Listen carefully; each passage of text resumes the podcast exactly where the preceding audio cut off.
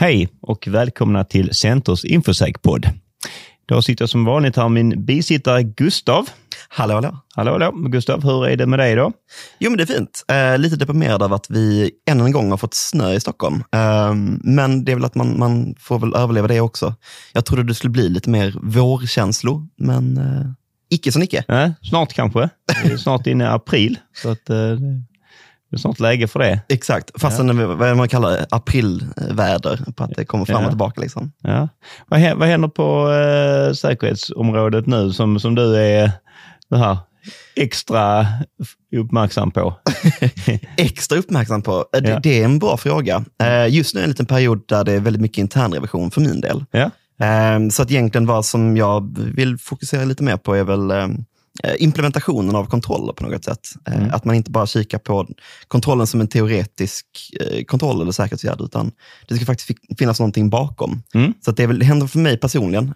Just nu har jag lite duckat huvudet för att inte se vad som händer i världen, så att jag har lite dålig koll där. Ja. Vad händer, vad händer i din värld?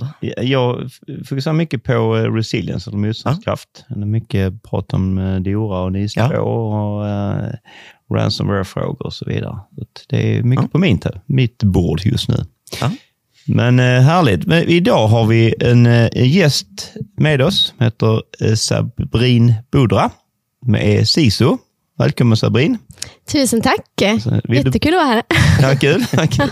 Vill du berätta lite kort om vem du är och vilken roll du har? Absolut. Ja, mitt namn är då Sabrin Bodra, precis som Mats sa, och jag jobbar som CISO. Mm. Och för de som kanske inte kan förkortningen, informationssäkerhetschef eller informationssäkerhetsansvarig. Kärt barn har många namn. Mm.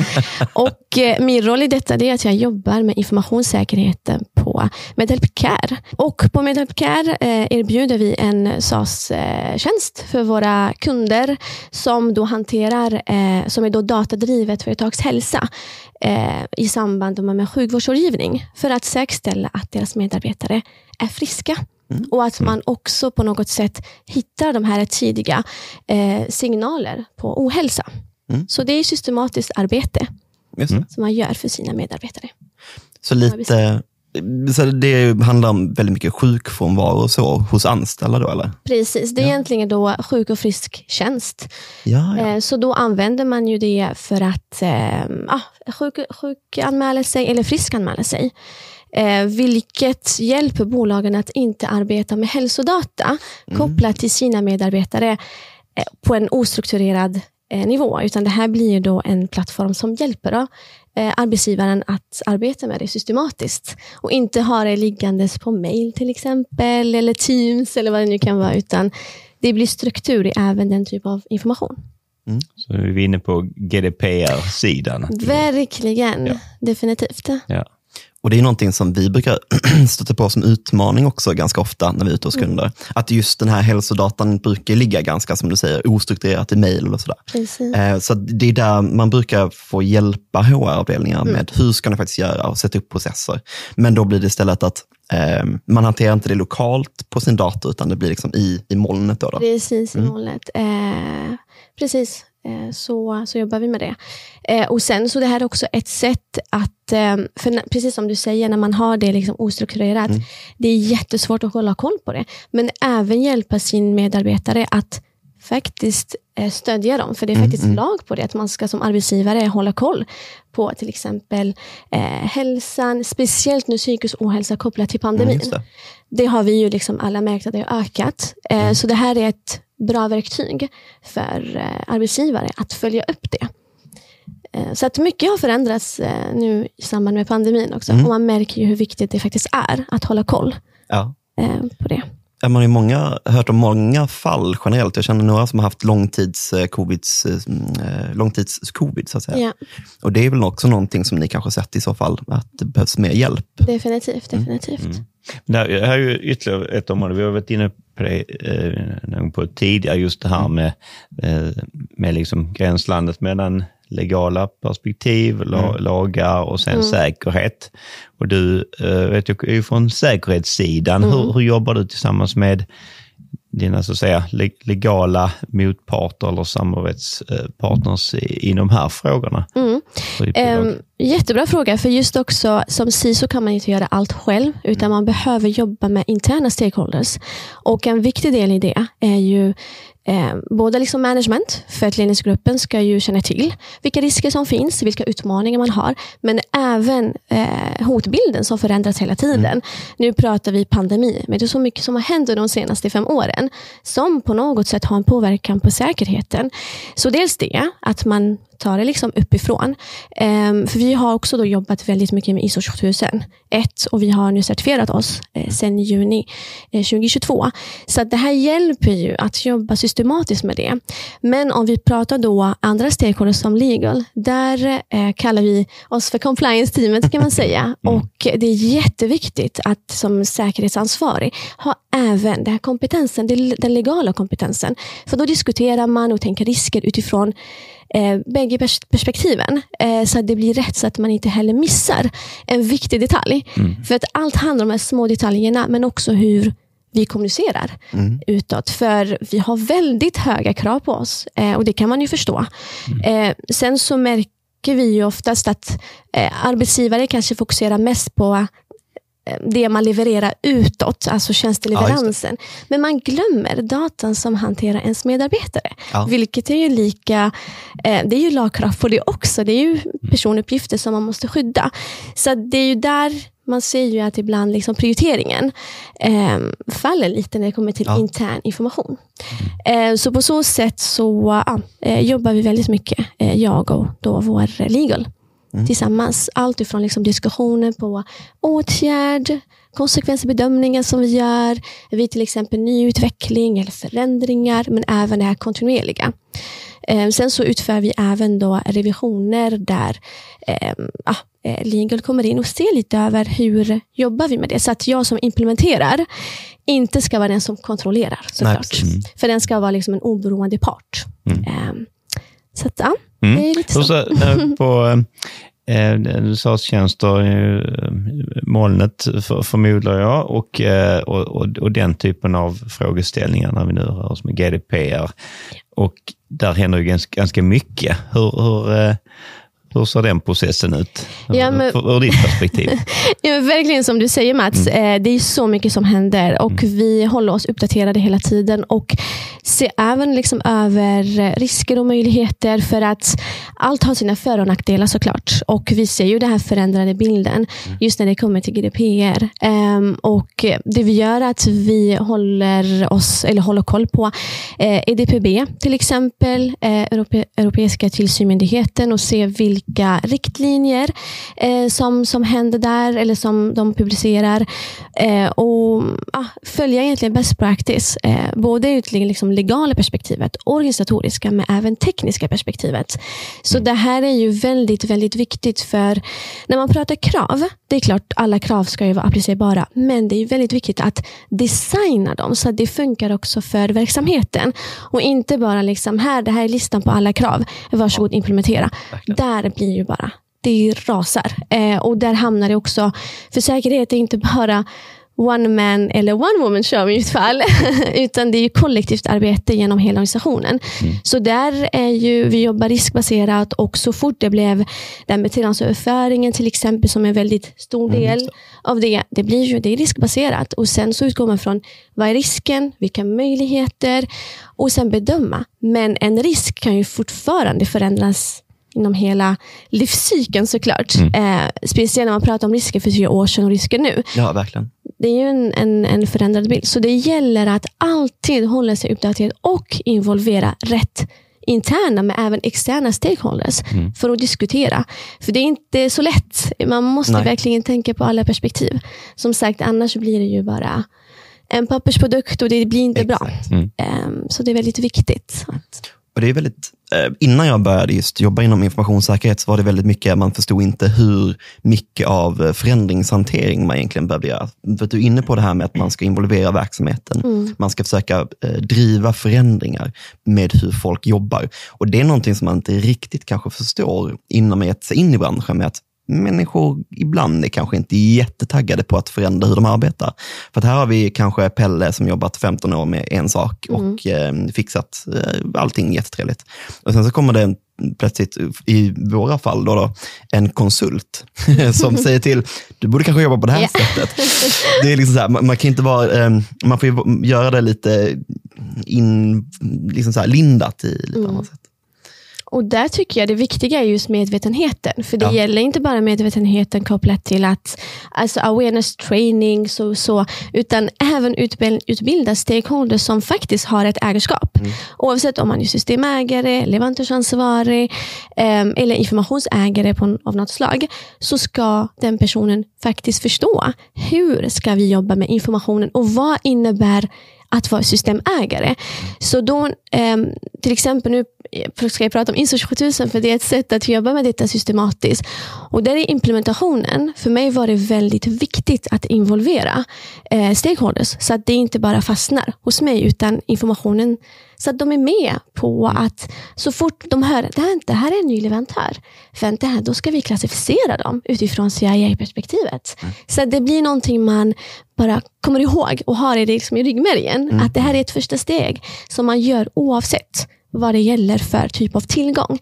Och Det här märkte jag att när man gör det på det här sättet, då blir det betydligt lättare att eh, även faktiskt efterleva alla mm. krav. Mm. Um, så det är väldigt viktigt att involvera. Mm alla internt. Vi hade en tidigare gäst här, en kollega också från Center, eh, som heter Thomas. Eh, men han jobbade tidigare som it-säkerhetschef, för mig det var. Eh, men han gjorde något liknande, men han, hade så här, han bjöd på choklad om de kom fram med liksom så här, men, eh, sårbarheter, eller typ, det här ser lite konstigt ut. Och så gav han dem en, liksom så här, en fin choklad. Eh, så det, det verkar att mm. på något sätt man ska involvera och man ska på något sätt eh, vara delaktig i de beslut som tas. Även om man kanske inte har direkt eh, Ehm, eh, kontakt med dem konstant. Men som du säger, att man, just det, det är någonting som mm. triggas igång eh, när man väl tänker på att ta in en ny leverantör eller mm. köpa ett system eller sådär. Verkligen, så är det. Nu måste jag börja dela choklad här också. Men jag brukar faktiskt dela en stjärna. Det är bra Då är man en security star. kan man samla dem också så här? Exakt, precis. Tack för det Gustav. Nej, men skämt åsido, jag håller verkligen med. Ja. Eh, och Det är viktigt tror jag att visa att, gud, bra jobbat här. Då ja. känner man, okej, okay, bra, jag är på rätt spår. Mm. Det här är någonting som tas emot. Mm. Sen att öppna dörrar för att man faktiskt kan rapportera ja. avvikelser eller incidenter eller även förbättringar. För just ska, man ska inte heller ta bort expertisen. För man är ju säkerhets expert, men man kan inte alla lagar kopplat till. HR eller till liksom utveckling. Så där måste man ju involvera mm. rätt personer och brainstorma. Mm. Mm. Hitta en bra lösning. Tyckte du sa något intressant innan som jag tycker många glömmer. Men nu, eh, GDPR är ju liksom ett legalt krav, men att man kan hitta kanske fördelar i det här också. Att hitta positiva affärseffekter eller och så vidare. Men det känns som ni har tänkt på det, så att säga, i, i arbetet. Eh, till, delar i alla fall. Mm. Det är väldigt viktigt att göra det. Ja. Um, som sagt, man har ju uh, interna och externa krav, legala krav, så att um, det är mycket, mycket att tänka på. Mm. Um, så därför just att jobba med det systematiskt underlättar en hel del. Du säger mycket externa krav. Jag kan tänka mig att ni har väldigt många kunder som frågar, är det okej att använda er med hälsodata? Sådär? Hur, hur, är, det någonting som brukar förekomma? Eller? Um, definitivt. Ja. Vi uh, har väldigt höga krav uh, på oss uh, från våra kunder. och Det är högt och lågt. Mm. Um, det jag märker det är man då ett stort bolag, då har man ju oftast ett stort säkerhetsteam. Då har man ju resurserna att hantera eh, kraven och eh, ställa de här kraven också. Mm. Eh, men även, jag märker även, det har ju blivit betydligt bättre och högre krav numera. Vilket ja. man blir ju glad över också att många är ju medvetna. Speciellt när det kommer till ens data. Man ska ju kravställa. Så, att, så ska det vara. Och, ehm, och Jag märker även på liksom olika storlekar på företagen att alla försöker och många ställer krav. Så att um, vi, um, det blir en diskussion och sen så kan vi alltid beskriva hur vi ser på det och vad mm. vi har för säkerhetskontroller. Um, och Sen blir det alltid en bedömning. Mm. Uh, för det är kunden ändå som är personligt, ans Exakt. Precis, personligt ansvarig, vi personligt beträde till exempel. Så att då är det ändå liksom såklart upp till kunden. Uh, men där blir det väldigt bra diskussioner. Speciellt, det underlättar när kunder förstår vad de kravställer. Ja, det... det är ju A och O mm. i kravställningen. Um, likadant med en CISO. Det är viktigt att förstå um, vad det är som gäller för att kunna ställa krav. Annars blir det ju bara här är listan med alla krav, varsågod implementera det internt. Det går ju inte, utan man måste kunna våga diskutera också och erkänna att okej, okay, det här är kanske ett nytt område som jag inte är expert inom, men jag kan ju säkerhetsperspektivet. Kan vi diskutera eh, och brainstorma? Mm. Mm. Mm. Tycker du att generellt att kompetensen har höjts inom, för vi sa det att, de att, att kunna ställa krav är ju väldigt viktigt. Tycker du det har höjts lite? Det tycker jag. Till exempel när jag jämför de senaste tio åren så märker jag att det är betydligt bättre kravställande. Mm. Men såklart, alla har inte samma... Ah, det är en kostnad. Alltså ja. Säkerhet kostar ju och det är kanske inte alla bolag i Sverige som har eh, både liksom resurser och tid för detta. Så mm. det, det, varierar ju såklart. Mm. Eh, men det är betydligt bättre kravställning idag mm. än vad det gjorde för fem år sedan. Mm. Och Det här är lite tack vare alla legala krav. Då mm, pratar vi GDP, NIS-direktiv, säkerhetsskyddslagen. Ja. Så det är ju lite de som har gjort att man fick lite fart på kravställningen mm. Än vad det gjorde innan. Ja, tidigare har man ju sett att generellt har ju finansbranschen varit den som varit mest mogen när det kommer till egentligen eh, säkerhet och, och compliance mm. generellt. Och det är på grund av att det har funnits så mycket mm. regulatoriska krav på dem. Precis. Så det är ju det är kul att se att det ändå på något sätt fungerar. Mm. Så här, kul på, från vårt perspektiv, Precis. men vi jobbar med säkerhet, om vi säger så. Då, då. Mm. Eh, men det är ju bra i alla fall. Mm. Det är en bra början. Mm. Det är väl de drivkrafterna som finns, legala krav och ja. incidenter som är kända. Plus att medvetenheten kanske är lite större då. Mm. Ledning och så vidare. Verkligen. Sen är alltid en resa såklart alltid inte ja. perfekt där ute. Utan man, jag tycker dock att man är på rätt väg. Eh, och Det har lite också med att man behöver göra detta. För att just digitaliseringen, det är mycket som händer. Eh, så att då måste man ju hålla sig uppdaterade. Mm. Sen också det här att eh, det är väldigt viktigt att jobba proaktivt med detta. Eh, och just, jag brukar alltid säga att det går inte att visa ekonomiskt hur mycket man tjänar på vår säkerhet. Nej. Men när det går dåligt eller något händer, då märker man oj, det här hade kunnat bli ännu värre. Mm. Resulterat i ännu värre katastrof om vi inte hade de här säkerhetskontrollerna till exempel. Så det är ju, på så sätt kan man ju ah, arbeta med detta. Um, men det är väldigt viktigt. Mm. Och särskilt då när vi pratar om alltså, så pass känslig data som hälsodata. För det är någonting som man själv, själv känner att det är väl är den viktigaste datan som faktiskt finns i många bolag. Om man tittar på till exempel eh, eh men, något industriföretag eller typisk tillverkning, mm. då, som kör mycket eh, företagsförsäljning, då har inte de massor med kunddata. De säljer ju inte till privatpersoner. Mm. Så egentligen den viktigaste datan de har är ju deras HR-data i princip däribland då, då känsliga personuppgifter som till exempel hälsodata. Och så. Mm. Verkligen. Men vad, vad ser du för ehm, eh, liksom, utmaningar nu framöver, rent liksom, tekniskt, mm. eh, med skyddsåtgärder och utvecklingen som sker? Eller så är det någonting så här som du säger att det här kommer bli ett, ett, jobb, ett fokusområde och så vidare? Mm. Inom, eh, precis. branschen. Mm. Ja, och det är ju lite som man jobbar med säkerhet, man är aldrig nöjd, utan man tänker alltid, hur kan vi göra det här bättre? Mm. Och där använder jag begreppet lögprincipen, att olika lager av säkerhet.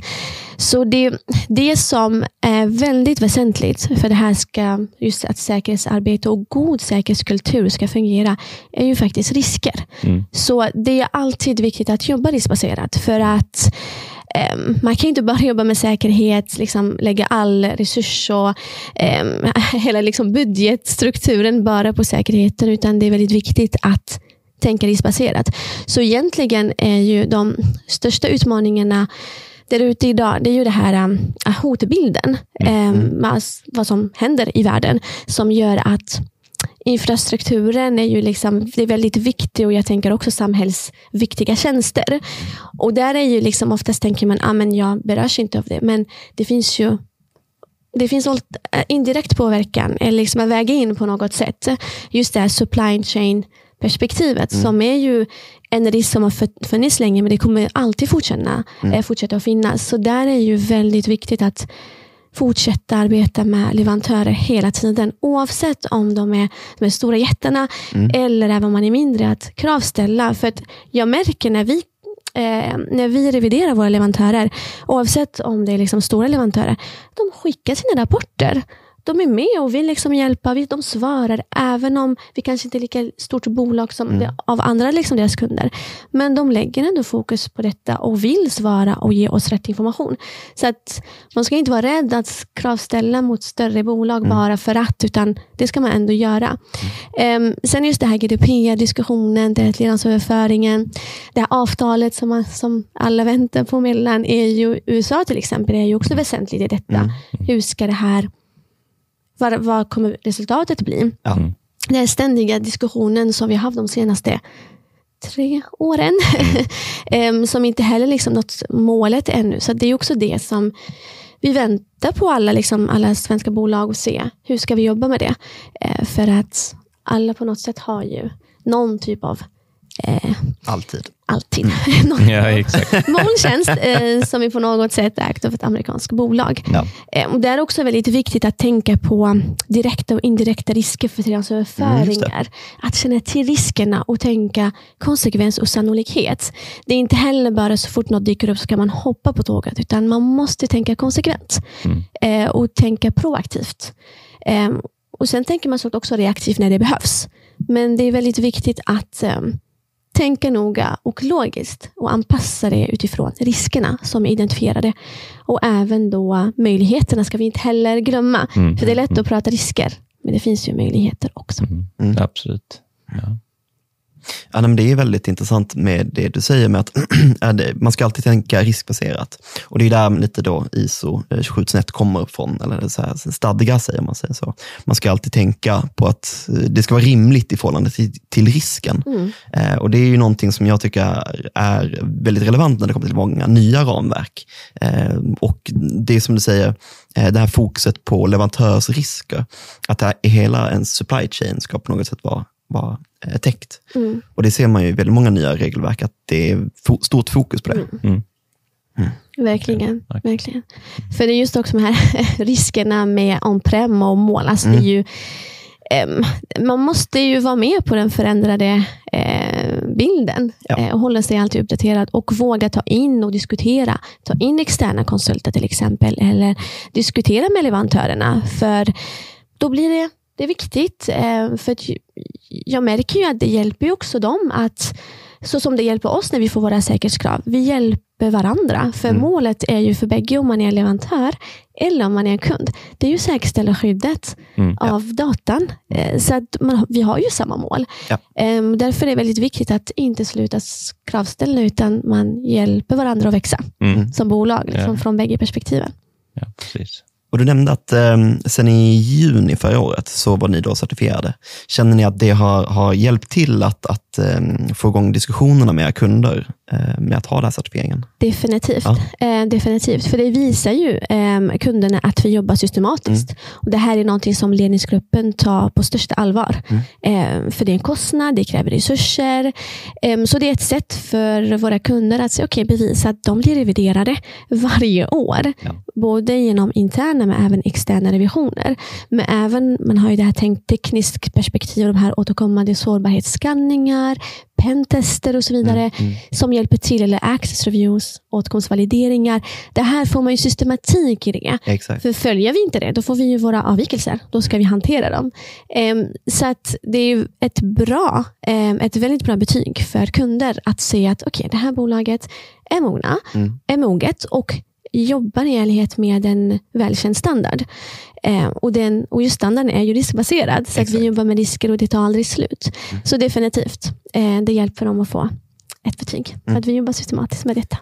Ja, det är ju positivt att ja. höra. När man ändå sitter som konsult och implementerar 27001 så är det väldigt skönt att höra att det faktiskt fungerar också. Nej, men verkligen. Det, det gäller att, ja, att fortsätta liksom jobba med det. Um, för att när jag själv granskar våra leverantörer, det blir så att har man till exempel inte SOC 2-rapport mm. eller pentester man, man utför eller liksom andra typer av rapporter som vi kan granska om då man inte är certifierad.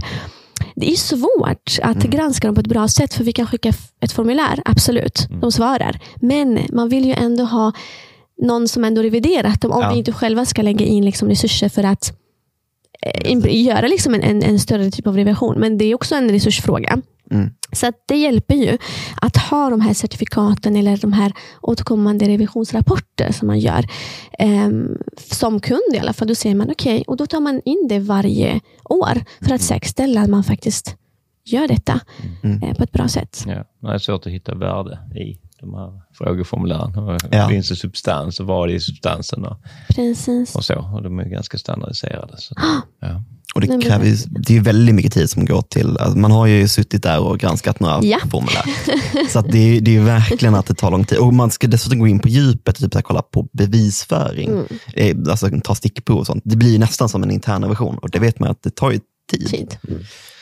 Man vill göra det rätt också såklart. Så ja. det kräver ju såklart. Jag tror alla, oavsett vilken säkerhetsperson man har, jag tror alla har fått de här frågeformulären att svara på. Mm. Det är kul. ja. ja. Okej, okay, då vet man. Men det hjälper ju såklart att vara certifierad. Ja. Man får ju det här tryggheten. att Sen, eh, det gäller att alltid fortsätta med det, jobba riskbaserat. Mm. Eh, för risker försvinner ju inte, de kan Nej. reduceras. Mm. Eh, men de kan också öka beroende på eh, vad det är för risker ja. man har. Bra, då avslutar vi med risker tycker jag. Det är en bra sammanfattning av, av um, säkerhetsarbetet tycker jag. Så att, uh, stort tack Sabine för att du ville komma och besöka vår podd. Tusen tack för att jag fick vara med. Det var kul att prata med er. ja, härligt att höra. Stort tack till er lyssnare som ville lyssna in på oss den här dagen och eh, på återhörande. Tack. Absolut. Ha det fint. Hej då. Hej då.